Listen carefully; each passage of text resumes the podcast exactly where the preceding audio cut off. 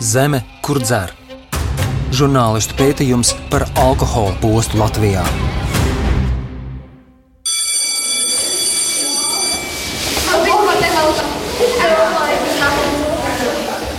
Viņi zina, kā ir baidīties nākt mājās no skolas.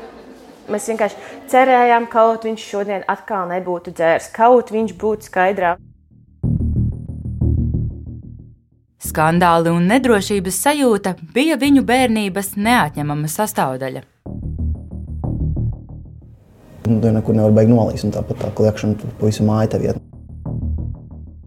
Latvijā ir daudz ģimeņu, kuras posta alkohols. Daudz bērnu, kuri auguši alkoholiķu ģimenēs. Patiesībā alkohola atkarība ietekmē un apdraud visu sabiedrību. Mūsu valstī ir augstākais alkohola patēriņš uz vienu iedzīvotāju Eiropā. Tas ir vienkārši nožēlojami. Kāpēc Latvijas iedzīvotāji tik ļoti mīl iedzert un kādas tam ir sekas? Turpmākajā pusstundā skaidrosim mēs, Kristaps Feldmanis un Baiba Runce. Pirmā daļa - Tu neesi viens. Cilvēkiem es iesaku sākt, nu, tā kā arī ir izlikts, jo tie tēta Minnesotas pieraksti ļoti labi ievada. Bet mēs varam sākt chronoloģiskā secībā, jo Jaunā māksliniece Anse Vilnīte nesen nominēta Purvīša balvai par savu personāla izstādi Dievs Tēvs debesīs. Tas ir emocionāls stāsts par viņas tēvu, alkoholiķi. Mēs stāvam pie gleznas. Tajā attēlota viņas mazā māsa, kura guļ savā gultiņā, tai blakus arī tētis. Un tā bija tā reize, kad viņš uh, laboja terasi. Un, un tad piedzērējis un stāstīja to, kā viņš gribētu visu pasauli salāpīt un visiem grib palīdzēt. Un, un, un toreiz es viņā redzēju nu, kaut ko tik ļoti tādu skaistu un mīļu un cilvēcīgu, un, un, un pēc tam viņš aizmeta pie tās māsas gultas. Jā, uz... Anses tēvs bija celtnieks. Vienā no fotografijām viņš redzams sēžot uz privātmājas jumta. Un šī bilde ļoti nozīmīga, jo, jo mans tētis sāka lietot alkoholu pēc tam, kad viņš nokrita no jumta jaunībā. Viņš divreiz dzīvoja. Tolaik viņam bija nedaudz pāri 20, un nesen bija piedzimusi Anse. Radi stāstījuši, ka pēc negadījuma tētis esot izmainījies, zaudējis dzīves prieku. Ance uzskata, ka viņš sācis dzert kādas psihiskas saslimšanas dēļ, kas radusies pēc traumas, taču tajā laikā tam netika pievērsta uzmanība. Viņš netiek galā ar tām visām sāpēm un skumjām, un viņš mēģina kaut kā notrulināt savu smadzenes, lai viņš nejustu tik daudz. Un, Ap to pašu laiku arī viņas mamma sākusi lietot alkoholu, jo viņai bija pēcdzemdību depresija. Pirms tam 20 gadiem nu, tas bija veids, kā viņi gāja cauri šīm sāpēm. Un, Bet tev nešķiet, ka arī tagad tā ir? Nu, ne jau viss noteikti, noteikti, noteikti. Ance uzskata, ka viņai bijuši labi vecāki, par spīti tam, ka tētis lietoja alkoholu lielos daudzumos, un par bērnību viņa glabā arī bēdīgas atmiņas. Man bija maziņš maciņš, un es tur biju sakrājis kaut kādus divus latus. Un, un, tad, un tad tā nauda pazuda. Bija visai skaidrs, ka tētis kā, visticamāk viņu paņēma, lai nopirktu nu, alkoholu. Minnesotas programmu tētis izgājis vairākas reizes. Tā ir atkarības ārstēšanas metode, kas apvieno medicīnu, psiholoģiju, psihoterapiju un anonīmo alkoholiķu 12 soļu programmu. Ance pēc tēva nāves atradusi mapi ar pierakstiem no laika, kad viņš uzturējās stacionārā. Cik kādā savā izjūtās esmu dalījies ar citiem pacientiem vai nodaļas personālu šodien? Cik garšīgi ir baltmaize, cepta. Nu, tas liekas tik mīļi. Re, ir, vai es šodien izjūtu tieksmi dzert uh, nedaudz jā, jo ir baigi vientuļi? Tas ir, nu jā, tas ir tik ļoti, ļoti sāpīgi. Kādā brīdī, kad Anse gāja skolā, vecāki pārtrauca lietot alkoholu. Mama joprojām nedzer, savukārt tētis pēc vairāk nekā desmit gadu pauzes pakāpeniski atsāka. tas tā bēdīgi. Un, nu, beigās viņš arī aizgāja, nu, vienkārši nodzeroties. 43 gados. Nu, tā, nu, jā, nu, tā kā sirds neizturēja. Tas ir ļoti, ļoti sāpīgi, jā, kad sāk runāt par, par alkoholu. Alkoholismu, kad ai, paši vainīgi nodzērās, un tas jau cilvēkam vājš raksturs. Bet tas ir arī bēdīgi. Ja cilvēkam ir vājš raksturs, nu, viņam ir jāmēģina palīdzēt. Ne jau viņu tagad kā, kā kaut kādu sabiedrības pabiru uh, astumt. Jo nu, es zināju, to, ka ļoti daudziem ir tēta alkoholiķi, bet pēc šīs izstādes tas, cik ļoti, ļoti, ļoti daudz cilvēku man stāstījuši, jā, man ir tieši tāpatās. Tas man liekas. Nu, Kreizi, ja no izstādes pirms desmit apmeklētājiem septiņiem ir šādi stāsti. Cik daudz mums ir tēvi, alkoholiķi un arī mātes. Tas arī bija Jānis izstādes mērķis - sajust kopību ar citiem alkoholiķu bērniem.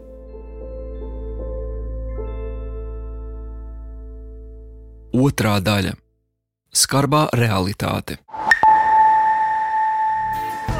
dvēsele vaļā, asaras sāļas, dzīve ir rūkta un ir salds. Tik daudz kā Latvijā, attīstītajās valstīs nedzer nekur. To rāda Ekonomiskās sadarbības un attīstības organizācijas jeb OECD dati. Latvijā starp organizācijas dalību valstīm ir augstākais absolūtā alkohola patēriņš uz vienu iedzīvotāju. Pārreikinot grādīgos dzērienus absolūtajā alkoholā, 2019. gadā viens Latvijas iedzīvotājs vidēji izdzēra 12,9 litrus. Nākamā valsts ar augstāko alkohola patēriņu ir Čehija. Lietuvieši atrodas topā 6. vietā, Igauni 14. Turklāt Latvija ir viena no retajām valstīm, kurā kopš 2009. gada alkohola patēriņš audzis. Šis rādītājs kāpj arī tad, ja neskaita turistu iegādāto. Desmit gadu laikā Latvija no topa vidus nokļuvusi tā augšgalā. Skumju bildi iezīmē vēl kāda Eiropas aptauja. Starp 18 pētītajām valstīm Latvija bija vienīgā, kurā vidējais alkohola lietošanas biežums ievērojami pieauga. Komentējot rezultātus, nesaudzīga ir slimību profilakses un kontrolas centra atkarības slimību riska analīzes nodaļas vadītāja Aija Pelne. Vienīgā valsts, jā, tas ir vienkārši nožēlojami. Tas vēl kārtējo reizi apliecina, ka mums ir vajadzīgs kardināls pārmaiņas, lai mainītu tos uh, alkohola lietošanas kultūru, lietošanas paradumus. Pelne uzskata, ka politiķiem ir jārīkojas, lai mazinātu alkohola pieejamību pieaugušajiem un īpaši jauniešiem. Politikas veidotājiem ir eh, jāvērš uzmanība, kā alkohola pieejamība skolnieku vidū. Ja mums 15. gadā bija pieejamība 70%, tad jau 19. gadā bija 78. Tātad mums šim jautājumam, šiem uh, best buy principiem, cenas, pieejamība, reklāma ir jāpievērš ļoti liela nozīme. Cena, pieejamība un reklāma ir trīs stūrakmeņi, ko savās rekomendācijās ietver arī Pasaules veselības organizācija.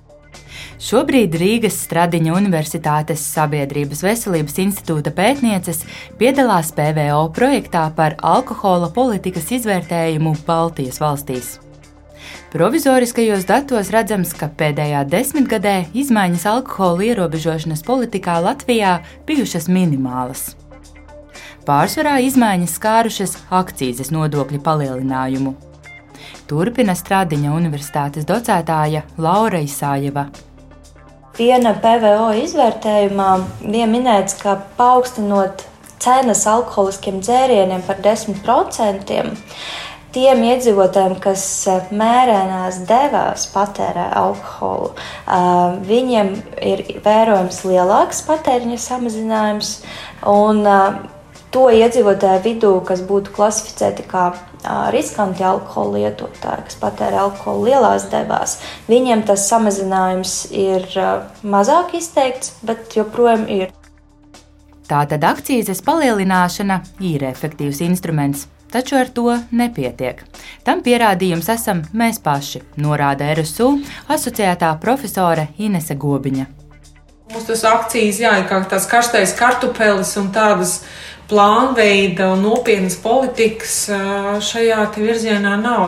Piemēram, mēs varam brīvi pārdot alkoholu degvielas uzpildes stacijās, ne, kas vairs nav Lietuvā. Un kas arī tīri nu, filozofiski neiet kopā ar šo ziņu, ko mēs gribam teikt, nedzeriet, braucot dzērumā, un tāpat laikā brīvi jūs varat iegādāties vēl par akcijas preci degvielas uzpildes stacijās alkoholu.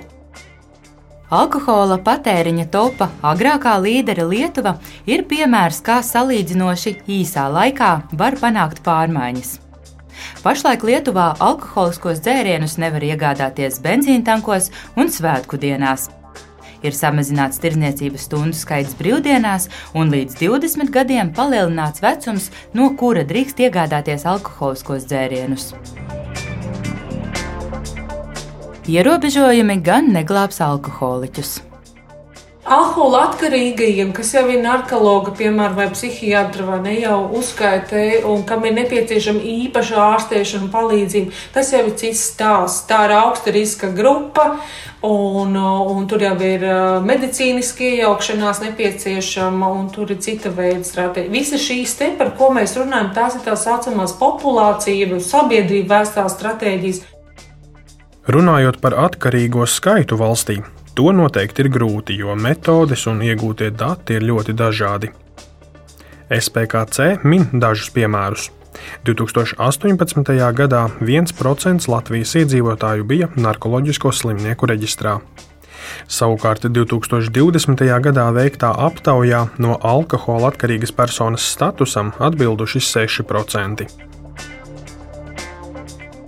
Jāsaka, mums nodaļa ir ļoti pilna, faktiski pat vairāk nekā mums ir gultu vietas. Tā kā katrā ziņā šī situācija ir diezgan nopietna un aktuāla. Ar situāciju Rīgas psihiatrijas un narkoloģijas centrā iepazīstina narkoloģiskās palīdzības dienesta vadītāja Astrīda Stīrna.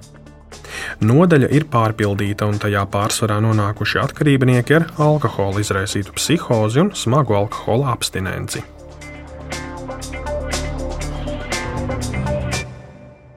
Trešā daļa - tētis, nevis statistika.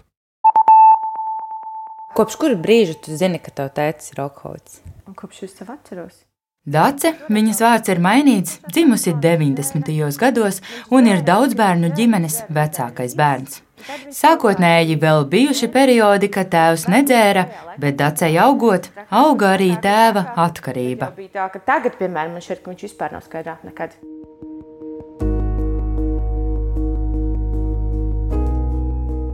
Dace ir viena no vairākiem alkoholiķu bērniem, kas atsaucās mūsu aicinājumam pastāstīt par ģimenē pieredzēto alkoholisma postu. Mēs uzklausījām ļoti dažādus, bet tajā pašā laikā līdzīgus stāstus. Arī Rītas pirmās atmiņas par tēvu ir saistītas ar alkoholu. Rītas vārds arī ir mainīts tā seja, ko viņš rādīja no nu, apkārtējiem, man draudzenes vēl ļoti ilgi neticēja tam. Tu kā, ko tu stāsti, ko tu izdomā, kādas muļķības? Jo viņš visas tur manas draudzenes, ātri mīga, viņš ātri zaķīts, jā, tur un, un viss. Un, un, un tas, tas, kas darījās mājās, tas bija vispār kaut kāds vienkārši, nu, kaut kas prātam neatverams. Par tēva divām sejām, to, kura rādīta sabiedrībā, un to, kuru redzējuši tikai tuvākie, stāsta arī Juris. Bet, nu, jā, nu, nezinu, bērnībā tur varbūt bija kaut kādi vēl pozitīvie kadri, kad tur, nezinu, aizvien tur kopā sēnēs vai kaut ko tādu, bet uh, nu, tas, laikam, jā, līdz ar jau kaut kādu skolā iešanu apmēram jau bija beidzies, kad nu, viņš tā kā aizgāja ritīgi zemē. Jura tēvs strādāja celtniecībā kaut kādas darba kavēšanas, atkal tad izmet no darba, tad ir dzeršana par to, ka nav darbs, tad atkal dabū darbu, tad tas jānosvin un tā visu laiku uz apli. Nu, katru dienu tā kā līdz grīdai. Jā, jā, jā. Nu, tur jau arī varbūt vēl sākumā bija kaut cik vēl tāds. Nu, Alkohols no veika, veikala plauktiem, ne, kad vēl bija kaut kāda darba vai kas tāds, bet nu, pēc tam jau tur bija dzeršana uz ielas ar bombžiem, ar kaut kādiem no lētākajiem spirtiem, kanģām un tam līdzīgi. Tik traki pilnīgi bija. Jā, jā, jā tā kā, nu, cik tur varēja sakņģīt kaut kādus tur. 40 centīmi maksāja apmēram tādā spreita pudelītē ieliet urīna krāsla žļurga. Ko Latvijā dzer? Statistika rāda, ka aug tieši stipru alkoholisko dzērienu daļa kopējā patēriņā. Slimību profilakses un kontrolas centra eksperte Aija Pelne saka, ka stipro alkoholu daudz esam patērējuši vienmēr, un to var saistīt gan ar tradīcijām, gan sociālo-ekonomisko situāciju.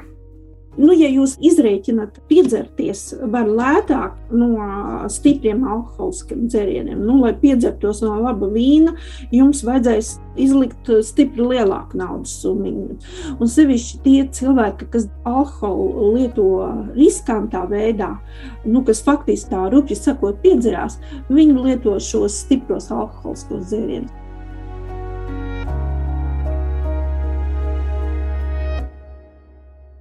Ceturtā daļa - sākums un gals.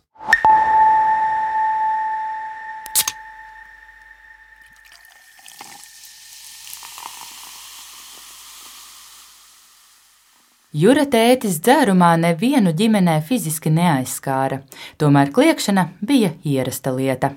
Liedza tā kā vienā baltā gabalā. Viņš nu, tikko bija tas nu, kā, nu, kārtīgais pālis, nu, tā gāja vaļā rītīgs. Nu, tur kliēkšana uz visu par visu, cik mēs slikti, cik mēs tur, cik citi slikti, nu cik viss ir slikti visu laiku faktiski. Piektdienās Juris uz skolu gāja ar lielāku somu, jo brīvdienās parasti devās ciemos pie radiem, kur palika līdz svētdienas vakaram. Lai tā kā nu, tie vakari, kas ir mājās, paliek tādi nu, daži. Sākumā Jurim tēta bija žēl, bet pēdējos kādus desmit gadus viņš godīgi atzīst, gaidījis tā visa beigas. Nu, tāda mēbele, faktiski, nu, nebija ne, ne ar ko par viņu parunāt, jo viņš nu, nesaprata vairs īsti, kas tā kā varbūt apkārt notiek. Viņš bija nu, tik ļoti jau nezinu, atrauc no kaut kādas realitātes vai civilizācijas, nu, ka tur jau nebija īsti cilvēka, kā teikt. Tēvs nomira, kad Juris jau bija pabeidzis augstskolu. Tas kaut kāds pēdējais gads jau bija, kad tur kaut kādu kāju amputēja, ka viņš tur vispār bija gultā. Tur aprūpējams, un tad, nu, tur, jā, tāpat ar visu to vēl pamanījās regulāri kost. tad, nu, tad vienkārši mēs tur gaidījām to pēdējo stundu faktiski vienkārši un visu. Dzērumā tēvs stāstījis par savu grūto bērnību, vecāku tā laika agresīvajām audzināšanas metodēm un dažādiem traģiskiem notikumiem ģimenē. Un tad es zinu, ka viņš kaut kad laikam bija arī kaut kādu cilvēku ar mašīnu notriecis. Un tad laikam tur diezgan aizgāja, ka viņš tur bija zaudējis savu šoferu darbus, un tur sāka tur, nezinu, pārdzīvot vai ko vai kas. Nu, vai tas nu, ir iemesls, vai tas vienkārši papildus iegāns. Nu, to jau tā teikt, nekad mēs neuzzināsim. Bet, nu, kaut kādi apstākļi tam ceļam jau cauri vijās, kas nepadarīja varbūt viņa to dzīvi beigas skaisto. Bet, nu, bet nu, beigās jau tur bija vienkārši šķiet, nu, viņš citādāk. Nu, tā bija vienīgā realitāte, ko viņš saprata. Dažādi dzīves satricinājumi, neziņa par nākotni, trauksme, depresija un nedrošība var mudināt ķerties pie pudeles. Narkoloģiskās palīdzības dienesta vadītāja Astrīda Stirne norāda, ka alkoholisma riski pandēmijā kļuvuši vēl lielāki. Gan izolētība, gan to, ka faktiski nav darba vai, vai darbs ir attālināts un cilvēki vairāk var atļauties šo dažādu apreibinošās vielas lietot un arī strādāt vienlaicīgi nav jāierodās darba vietā, kas var būt kā veicinošs faktors. Otrs veicinošs faktors ir šī alkohola lielā pieejamība. To, ka piegādā mājās, to, ka var iegādāties, es nezinu, ļoti ātrā laikā un, un, un arī visos iespējamos veikalos. Tāpat noslēdz uz alkoholismu var vīties cauri paudzēm. Rīta zina stāstīt, ka viņas tēva tēvs arī bija dzērājs, tāpēc sākumā, kad tikko iepazinies ar Rītas māmu, esot bijis pret alkoholu ļoti kategorisks, pats nelietojas. Taču viss mainījies pēc dienesta armijā. Es nezinu, vai nu tā bija nezinu, bērnības pieredze ar tēvu, kaut kāda pieredze armijā, ko viņš nestāstīja noteikti arī un ko varbūt arī nedrīkstēja, nezinu, tur valsts noslēpums vai kas, ja, kas viņu iedzina nu, pilnīgā tādā, nu, tādā tirāna, despota, uh, nu, tādā nu, lomā. Rītu un māsu viņš neaiztika, bet pret mammu roku pacēla regulāri. Es atceros, kā viņš uh, sita viņu tā, ka viņa ģība, un viņš viņu aiz matiem pa zemi vilka. Un es negāju bērnu dārzā. Es, nu, es, es biju pirmsskolas vecuma bērns, un es pat atceros tādas lietas. Es atceros, kā mēs ar mammu mājā bērniņos slēpāmies zem kaut kādām segām. Uh, Un ka viņš kā, atnāk, tur zini, pārdzēris jēgu, tagad nu, tik uh, izrēķināsies ar mammu. Jaunā sieviete atceras, kā ar māmu gājušas uz policijas iecirkni. Mazpilsētas likumsargi atbildējuši, ka tā esot ģimenes privātā lieta. Abas ar māsu pameta mājas pat nesasniegušas pilngadību. Māma gan palika. Man liekas, ka tajā laikā arī bija tā, ja, tu, ja jau tur esi tādu cilvēku izvēlējusies, apprecējusies, nu tad dzīvo viss. Māmas līdzatkarība beidzās ar meitu iejaukšanos vēlāk. Uzzinot, ka māte bailēs no tēva agresijas nakšņo darba vietā, vecākā māsa viņai iegādājās vienvirziena biļeti uz ārzemēm, kur pati jau dzīvoja. Ritas tēva atkarības stāsts beidzās traģiski.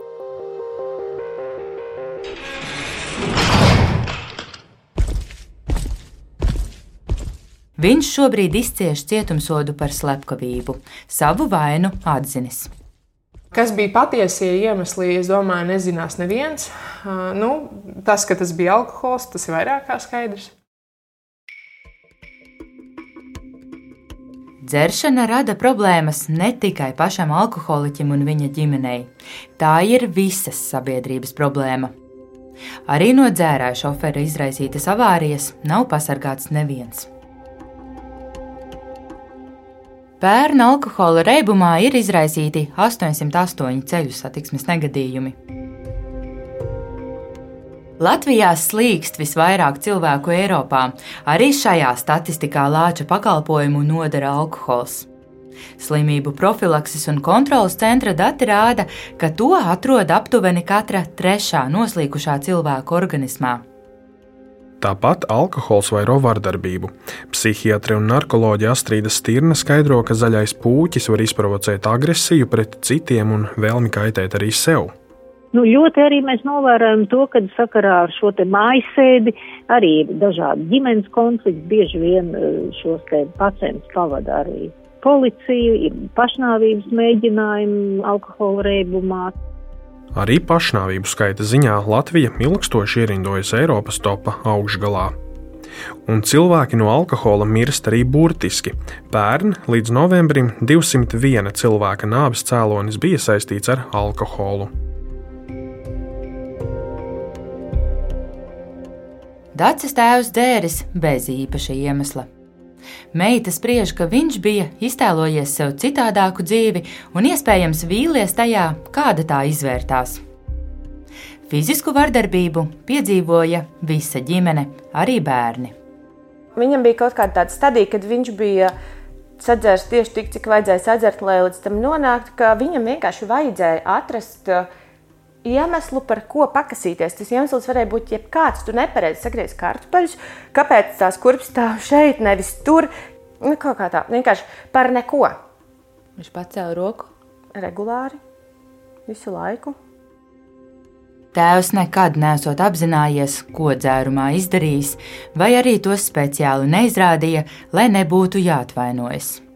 Izdemolēto mājokli ģimene saveda kārtībā, kamēr tēvs guļ un dzīvoja tālāk, ar cerību, ka turpmāk viņš vairs tā nedarīs. Viss, kas notika mājās, palika mājās. Bērnībā Dāce nesaprata, kāpēc tuvākie radi nepalīdz un neko nedara, bet tagad domā, ka patieso ainu viņi nezināja, pat ja par dzeršanas postu nojauta. Policijas un bāriņties nebrauc pie jums? Policijas, nē, nē, kamēr mēs bijām mazi, nē, kad mēs jau bijām 11 gadīgi, tad mēs sākām paši saukt policiju. Viņi atbrauca, paņēma viņu, aizveda stundas, divas. Man šķiet, tas bija ļoti mazs laiks, kad viņš vienkārši atgriezās, vēl dusmīgāks. Tas bija kā pieliet drusku eļļu ugunī, izsaukt policiju. Bet Par spīti visam, tad, kad viņš nedzēra, viņš bija superīgākais tētis, kādu var iztēloties. Tie ir dacis vārdi. Viņā dzīvo divi dažādi cilvēki. tētis un dzērājs. Tās reizes, kad viņš gulēja, pirmkārt bija piedzēries gulēja. Tās pirmkārt bija ļoti svētas un tādas kaut kādas reizes, kad vienkārši visi staigā uz pirkstgaliem, nedod Dievs, viņš pamodīsies, lūdzu, tikai guli. Un tajā pašā laikā tu ik pa laikam pieeji un paskaties, vai viņš vēl elpo, vai viņš tiešām vēl ir dzīves, bet varbūt viņš ir nomiris jau, varbūt viņam vajag palīdzēt. Piektā daļa - dzer arī sievietes. Dati rāda, ka vīrieši alkoholu patērē vairāk, un pandēmija šo plaisu starp vīriešiem un sievietēm ir palielinājusi. Slimību profilakses un kontrolas centra eksperte Aija Pelne stāsta, ka sievietēm raksturīgi lietot alkoholu, lai socializētos. Pandēmijā, kad kontakti ir ierobežoti, daudzas pārtraukušas dzert vispār. Savukārt vīriešus attālinātā darba apstākļi mudinājuši grādīgo dzert vēl vairāk tie, kas dzēra četras gadā, nu, viņi ne, negāja ne vairs uz kafejnīcu, ne, ne, ne drikās ar draugiem. Nu, kur tad viņi dzers? Taču sievietēm ir lielāks risks iedzīvoties smagās alkoholisma sekās, saka narkoloģis Tirna. Pēc novērojumiem un pētījumiem mēs varam teikt, ka apmēram šīs dzimuma attiecības ir viens pret četri vai viens pret pieci nu, ar alkoholu lietošanas un atkarības problēmu vairāk saistīti vīrieši, bet, nu, jāsaka, ka tās tendences ir arī sieviešu vidū, ir sevišķi jaunu sieviešu vidū, ir, nu, tāda nelabvēlīga tendence, un arī pusauģu vidū mēs redzam, ka šo te vielu lietošana ir diezgan populāra, un faktiski jau, jau šīs te attiecības tiek izjauktas, un, ir, ir daudz lielāks tas īpatsvars procents arī sieviešu vidū. Bet katrā ziņā parasti viņas ir ar tādu nu, daudz nelabvēlīgāku gaitu. Vispirms viņas ir diezgan daudz ar ielaistiem gadījumiem, ar ļoti vēlu vēršoties pēc palīdzības, jo tiek mēģināts slēpt un, nav arī varbūt tie līdzcilvēki ģimenē, kas, kas virzīti uz, uz palīdzības meklēšanu. Parasti ir otrādi, ka tās sievietes virza savus vīriešus uz ārstēšanas programmām vai konsultācijām, bet retāk tas ir otrādi. Līdz ar to faktiski nu, sievietēm tā, šīs atkarības veidošanās riski ir daudz lielāki nekā vīriešiem. Luīzes ģimenē alkohola gūstā nonākusi mamma. Luīze nav viņas īstais vārds. Esam mainījuši arī sievietes balsi. Luīze uzskata, ka māmas alkohola atkarība izpostījusi ģimeni. Faktiski tā ģimene sabruka šo notikumu rezultātā, un nekad ģimene nav bijusi tuva. Nekad. Viss sācies, kad Luīza bija pusaudze. Nomirusi mammas mamma, un Luīzes māte nav tikusi galā ar sērām. Luīza lieliski atceras brīdi, kad alkohols māti sagūstījis. Kādu vakaru viņa stāstījusi par lasīto, ka ir labi iedzert glāzi sarkanvīna dienā. Un tā vakara gaitā pa malkam, pa malkam, ka viņa līdz vakara beigām bija jau nu, ierēbusi. Un tas reibums viņai bija izteikts ar to, ka kļuva agresīva. Agresīva tur sāka pārmest bērniem, mums, tēvam. Katru rītu atkārtojies viens scenārijs. Māma atkal skaidrā, izliekas, ka nekas nav noticis, taču Luīze uz māti dusmojas par iepriekšējo vakaru, bet māma par viņas prāt nepamatotajām dusmām ir pikta uz meitu. Tas Luīzai radīs trauksmi, depresiju un nopietnu sēšanas traucējumus. Neizprotama Luīza ir arī tēva rīcība. Es joprojām uz viņu tā arī skatos, kā uz tādu mm, vāju cilvēku, un gan jau arī tam ir skaidrojumi viņa personības attīstībā, kāpēc viņš ir ļaujis tik despotiskai sievai valdīt pār dzīvi un ietekmēt gan dzīves kvalitāti, gan arī bērnu pašsajūtu brālis aizgāja no mājām stipri ātrāk, esot jaunāks pat par mani. Luīzes stāstā mamma nepavisam neatbilst sabiedrībā pieņemtajam priekšstatam par alkoholiķiem. Viņa savu agresīvo dzērāju dabu apvienoja ar ārsta profesiju. Un Luīza ir pārliecināta, darbā nevienam nebija nejausmas, kāda viņas māma ir mājās vai viņa to brīnišķīgi spēlē mūsu visu priekšā, ka viņi neapzinās vai nesaprot, ka viņi ir iedzeruši, vai viņi tiešām nesaprata to. Jo tie rīti, kad viņi bija skaidrā un kad man bija iekšā šīs aizvainojums no iepriekšējā vakara, man viņu bija žēl par savām dusmām uz viņu, par to, kāda viņa bija, jo man sāk likties, ka es to esmu nosapņojis. Luīzes mamma dzer joprojām. Tagad gan biežāk tam piemeklē iemeslu, bet iemesls tas var būt pavisam mazsvarīgs. Sociāla antropoloģe Anna Zabitska atgādina, ka cilvēki vienmēr visās sabiedrībās ir meklējuši un atraduši veidus, kā aprēķināties. Un pamatojums tam ir visdažādākais. Sākot ar to, ka dažādas narkotikas vielas ir izmantotas teiksim, dažādās rituālās vajadzībās. Otrs, protams, ka tas ir saistīts arī ar labsajūtas un patiesībā laimes meklējumiem kaut kādā ziņā. Dažādos reģionos nostiprinājušās narkotikās vielas, kuras tiek uzskatītas par pašsaprotamām. Mūsu gadījumā tas ir alkohols. Mūsu kultūrā no dienas alkohols ir ārkārtīgi nostiprināts. Bet tradīcijas nav pie vainas alkoholismam, uzskata Žabitska.